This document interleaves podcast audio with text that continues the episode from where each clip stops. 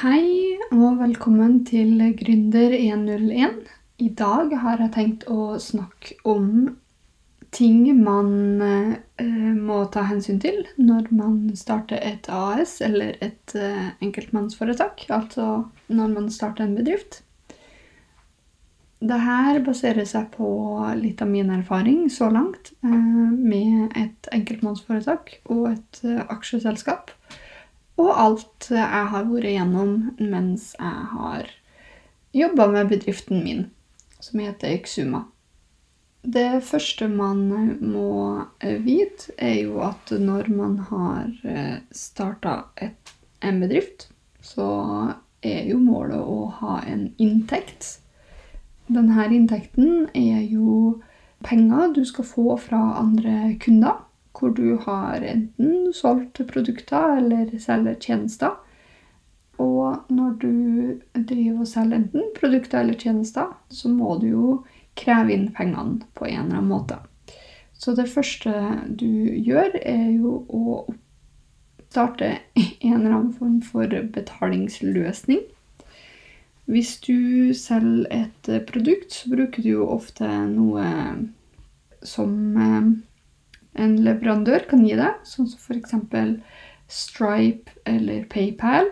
Men i Norge så er vi jo veldig glad i f.eks. VIPS, og man har noe som heter VIPS bedrift, som man kan bruke. Og så er det flere og flere som også går over til Settle eh, i tillegg.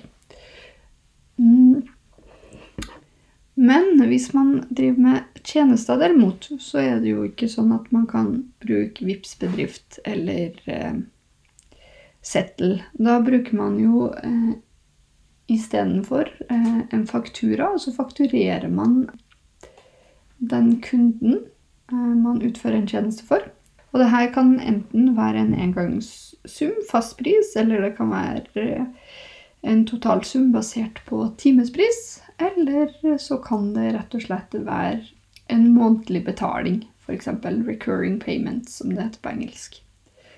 Så det er jo noe man må velge seg ut når man starter en bedrift. Hva er det som, er det som kjennetegner min bedrift? Skal jeg levere en, et produkt, eller skal jeg levere en tjeneste? Og hva for slags type betaling er jeg villig til å motta? Det er jo mange fordeler og ulemper med timesbetaling versus fastpris, som vi kan gå inn på senere. Men det er i hvert fall de tankene man må danne seg en mening om. De fleste Eller jeg kan egentlig bare starte med å si at man kan lage sine egne fakturaer sjøl. Det er fullstendig lovlig. Man skal ha en eller annen det er visse kriterier man må gjennom for at en faktura skal være lovlig, men det er fullstendig lov til å ha, lage sine egne fakturaer gjennom Word eller PDF eller uh, ulike program. Um, og man trenger ikke å ha et KID-nummer, bare så det er sagt. Så vi er avklart det. Men de fleste orker jo ikke å lage faktura på egen hånd. Uh, vanligvis vil man gjerne at noen andre skal ta seg av det. Og da finnes det en del forskjellige fakturaprogram man kan bruke, sånn som f.eks. Konta regnskapsprogram, eller Fiken har regnskapsprogram. Og så finnes det også en del gratistjenester hvis man ønsker å starte der, hvor du får de første fem fakturaer gratis, eller noe i den duren der. Jeg personlig bruker Fiken, mine bedrifter, og det er jeg veldig fornøyd med. De har en månedspris på rundt 179 kroner. Men for min del så er det totalt eh, verdt det. Og så har de jo som uh, hva heter det, slogan, uh, slagord, at de ønsker å gjøre bedrift, små bedrifter bedre. Og det, det har jeg trua på. Er, jeg er veldig fornøyd med fiken. Mens en annen kollega av meg han er veldig, veldig fornøyd med konta, faktura. Og det her tror jeg bare handler egentlig om smak og behag, og hvor mange deler man ønsker å integrere inn i det regnskapsprogrammet eh, man velger. F.eks. jeg har jo også ansatte, så da har jeg lønnsmodell. Og så ønsker jeg også å ha en bankintegrasjon. Nå har jeg gått over til folio eh, på mine bedrifter. Eh, og der har fiken en bankintegrasjon som koster 59 kroner i måneden. Men eh, folio tar den, dekker den kostnaden, så da slipper jeg den. Og så har, har man jo også andre integrasjoner man ønsker eh, å bruke. F.eks. hvis man har en nettbutikk, så kan man integrere med det, osv. Så, videre, og så, så fiken har uendelig mange løsninger for deg hvis du har lyst å prøve dem. Men anbefaler også å sjekke ut andre regnskapsprogram. Det er jo ikke sikkert at selv om jeg sitter her og preker om fiken, at det er det beste for deg. Så du må nesten finne ut hva som er best for deg og din bedrift. Når man begynner å skal fakturere, så er det jo sånn at alt det du fakturerer, blir kalt for din omsetning. Eh, og i begynnelsen så skal man fakturere momsfritt. Det vil si at du ikke legger på 25 i moms. Men når du har nådd 50 000, så skal du begynne å fakturere moms i tillegg. Og da er det jo sånn at eh, man må søke til merverdiregisteret om å bli en merverdiregistrert bedrift. Og det kan man ikke gjøre før man har unna 50 000. Så hva er det man da gjør med de fakturaene man har imens? Fordi det kan jo være at uh, du har bikka 50 000, og så har du søkt til MVA-registeret om å bli en MVA-registrert bedrift. Men så har du ikke fått svar ennå. Og du har ikke fått organisasjons- eller registreringsnummeret ditt ennå. Og da har du jo teknisk sett ikke lov til å registrere moms. Så hva gjør du da? Jo, da tar du og fakturerer fremdeles uten moms. Men når du har blitt registrert i MVA-registeret, så skal du faktisk etterfakturere momsen til den bedriften som eh, du har fakturert faktura for. Og sånn er det også hvis du teknisk sett har hatt en omsetning på 47 000, og så fakturerer du 6000, dvs. Si at du ender opp på 53 000, så betyr det at du, eller etterfakturerer momsen for hele 6000. Så finnes det også veldig mange hjelpeartikler på nettet og sånn, eh, hvis man lurer på hva man skal gjøre i sånne tilfeller. Men det er jo veldig mange som tenker at ok, jeg kommer til å bikke de 50 000 ganske fort. Kan ikke jeg bare søke i MVA-registeret med en gang? Og det kan du dessverre ikke. Det, det er en, eh, få tilfeller som har lov til å gjøre det. Eh, men de aller, aller fleste må faktisk vente til de har nådd de 50 000 i fakturering før man kan søke. Og så er det jo også sånn at man trenger ikke å ha de 50 000 som bevis på konto med de fakturaene man sender ut. Man trenger ikke å vente til de pengene er inne på konto før man kan søke om det. Med en gang du har fakturert ut 50 000, så har du nådd den grensa uansett om de pengene har blitt betalt inn eller ikke på konto. Fordi det blir regna som en del av omsetninga di, uansett om du har mottatt de pengene eller ikke. Og det her er jo en ting som også er verdt å vite um, hvis man har et enkeltmannsforetak og har fakturert ut en del penger som ikke du mottar av en eller annen grunn. Uh, før årsskiftet så har du fremdeles betalt skatt av den omsetninga og overskuddet du har hatt. Så når du mottar de pengene, si i januar eller februar, så er det en del av dine penger eh, som du allerede har betalt skatt for. Og da har regnskapsåret allerede på en måte vært avslutta, og det er sett på som en del av din profitt. Mens i et uh, aksjeselskap så går jo pengene hovedsakelig til bedriften, så fremt du ikke velger å ta ut overskuddet. Så hvis du har et AS, så betaler du jo ikke skatt før du faktisk tar ut utbytte. Så det er verdt å vite. Og så er det jo sånn at eh, når man tar og oppretter bedriften, har et regnskapsprogram og begynner å fakturere her, og man har nådd over de 50 000, så er det jo sånn at man skal begynne å holde oversikt over moms. Og med en gang du har blitt momsregistrert, så må du begynne å betale din moms til staten hver andre måned.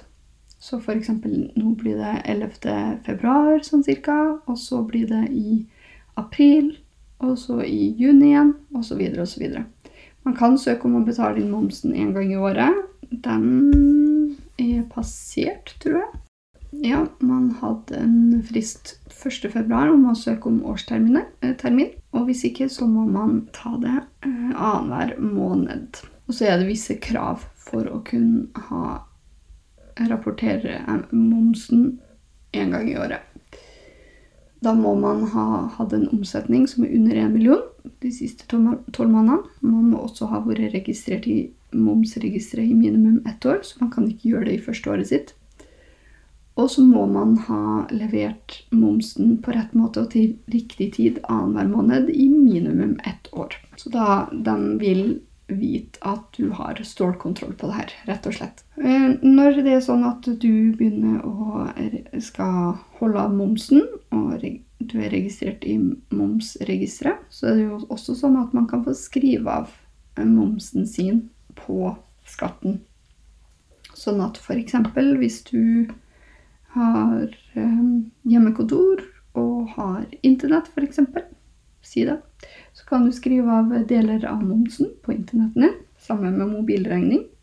Ofte er det jo sånn at hvis man har en jobbtelefon og privattelefon på samme telefon eller abonnement, så eh, man kun, kan man kun skrive av momsen på deler av mobilabonnementet, sånn som f.eks. 50% eller halvparten. Eh, man kan skrive av eh, aviser hvis man abonnerer på Dagens Næringsliv eller noe sånt, så kan man skrive momsen på det. Og så er det en hel rekke av andre ting man kan skrive momsen på. Kaffe, f.eks. Osv. osv. Så fremt det er i jobbsammenheng og er til fordel for bedriften, så kan man skrive av momsen stort sett. Der må jeg også skryte av fiken, fordi man kan gå inn på nytt kjøp, og så kan man komme med forslag inni kostnadskonto så kan man f.eks. skrive mobil, og så kommer det opp forslag og tips til um, hvordan man skal føre telefon og uh, fradrag fra, for moms osv. Så, videre. så den er ganske genial. Eh, og så er det jo sånn at når man eh, nå holder på å levere eh, merverdi MVA-meldinga si, så er det jo sånn at det her egentlig føres til eh, Altinn, men man kan få det integrert i fiken også. Eh, hvordan det er med konta, det husker jeg ikke.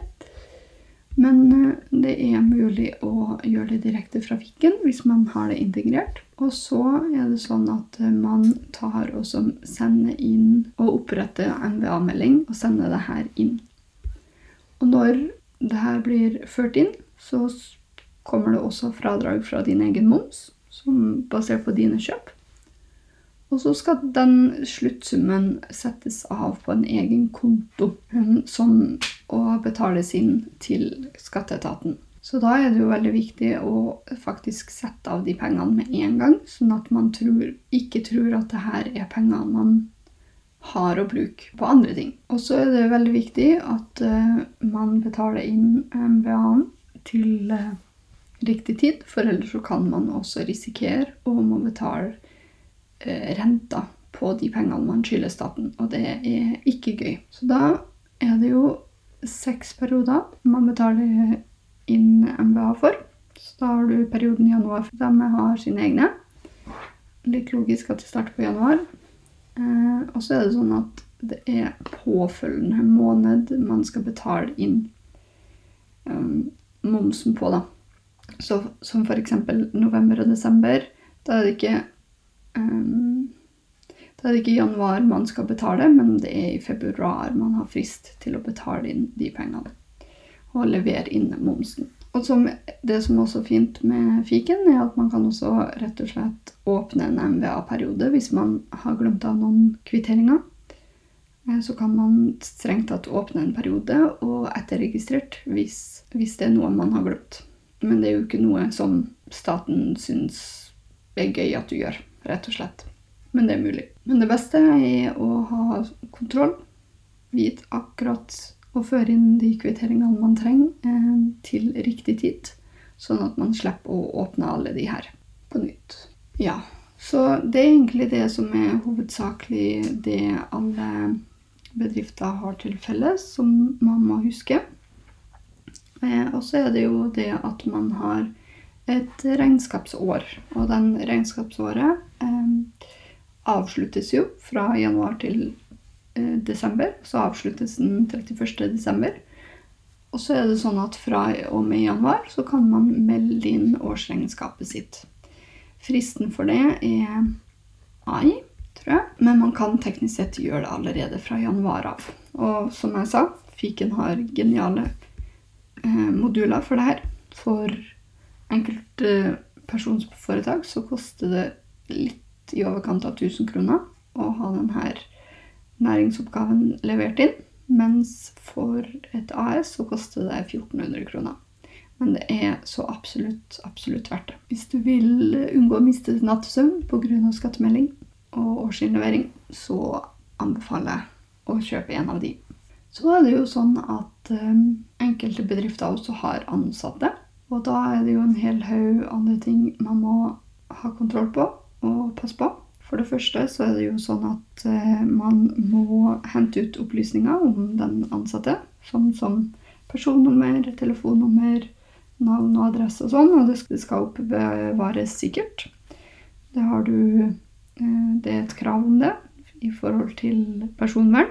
Og så er det sånn at du skal også melde ifra til eh, skatteetaten eller Altinn eh, om du er hovedarbeidsgiver eller biarbeidsgiver. Så det er veldig viktig å spørre om det til den ansatte. Og så en annen ting du må eh, tenke over, er hvilken skattekommune den ansatte jobber for. Uh, eller er bosatt i, rett og slett.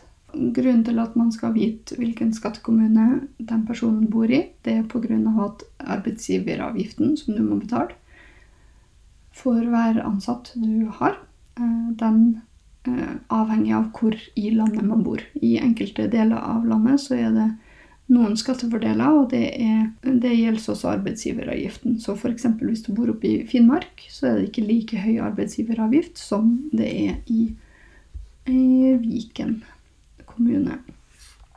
Så f.eks. i Asker så er arbeidsgiveravgiften 14,1% mens arbeidsgiveravgift i Finnmark, da betaler man ikke arbeidsgiveravgift. Den er null. Det er anbefalt å gå inn og sjekke det her. Sånn at hvis du har flere ansatte, og de er bosatt i ulike fylker, sånn, så er det lurt å gå inn og dobbeltsjekke hvor de kommer ifra. Men i ganske mange deler av landet, så som stort sett hele Sør-Norge og Vestlandet og sånn, er det én A og 1, som er sånn 14% arbeidsgiveravgift. Og så har det kommet nye regler nå, hvor hvis den ansatte tjener over 750 000, så er det en ytterligere arbeidsgiveravgift som blir lagt på, som er på 5 Og da er det alt som er over 750 000. Så si at en person tjener um, Si at en person tjener 780 000, altså 30 000 over. Så det er kun de 30 000 du skal betale en arbeidsgiveravgift på 19,1% Alt under 750 000 er det fremdeles 14,1 Vel vitende at personen er bosatt på Østlandet.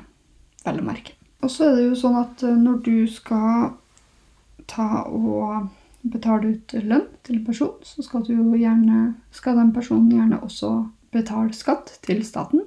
Og den skatten den du, har du ansvar for å holde av. Den skal på en egen skattetrekkskonto som er låst til skatteetaten, som pengene overføres på.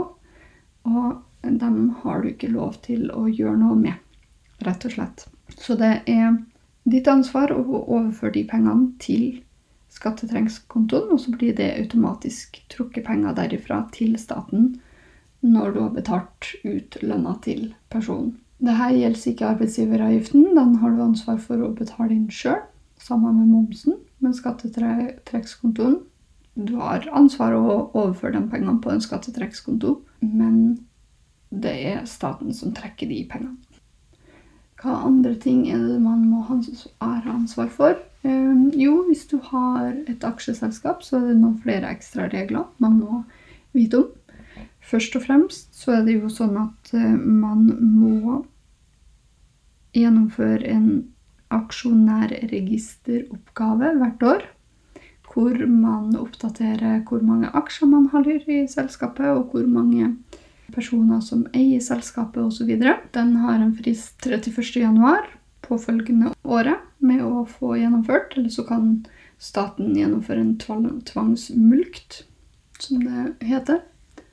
Men der finnes det gode guider på nettet til hvordan man gjennomfører en aksjonærregisteroppgave. Eh, Fiken har også det her gratis i årsregnskapet sitt dersom man velger å kjøpe den til fiken. Jeg syns den var veldig avansert, egentlig. Ikke fiken sin, unnskyld. Eh, jeg syns uh, den aksjonærregisteroppgaven som er på Altinn, den syns jeg var veldig avansert, og satt egentlig veldig, veldig stor pris på at uh, det fantes en guide jeg kunne følge på nettet. For det var veldig mange forskjellige skjemaer som skulle fylles ut, og man måtte gå fram og tilbake og passe på at tallene stemte overens på flere ulike sider, osv. osv. Så, og der syns jeg rett og slett at uh, den kunne ha hatt en mye bedre user interface, rett og slett. Men det er min personlige oppfatning. Og så er det jo sånn at hvis du har et aksjeselskap, så har du også et krav om å gjennomføre et årlig styremøte. Vanligvis er det vanlig å ha fire styremøter i løpet av et år. Men eier du aksjeselskapet for deg sjøl, så skjønner jeg godt hvis du bare vil gjennomføre et styremøte. Og så må du også ha en generalforsamling. Og den generalforsamlingen skal være hvert år, den også tror de styremøtene og generalforsamlingen kan være på samme tid.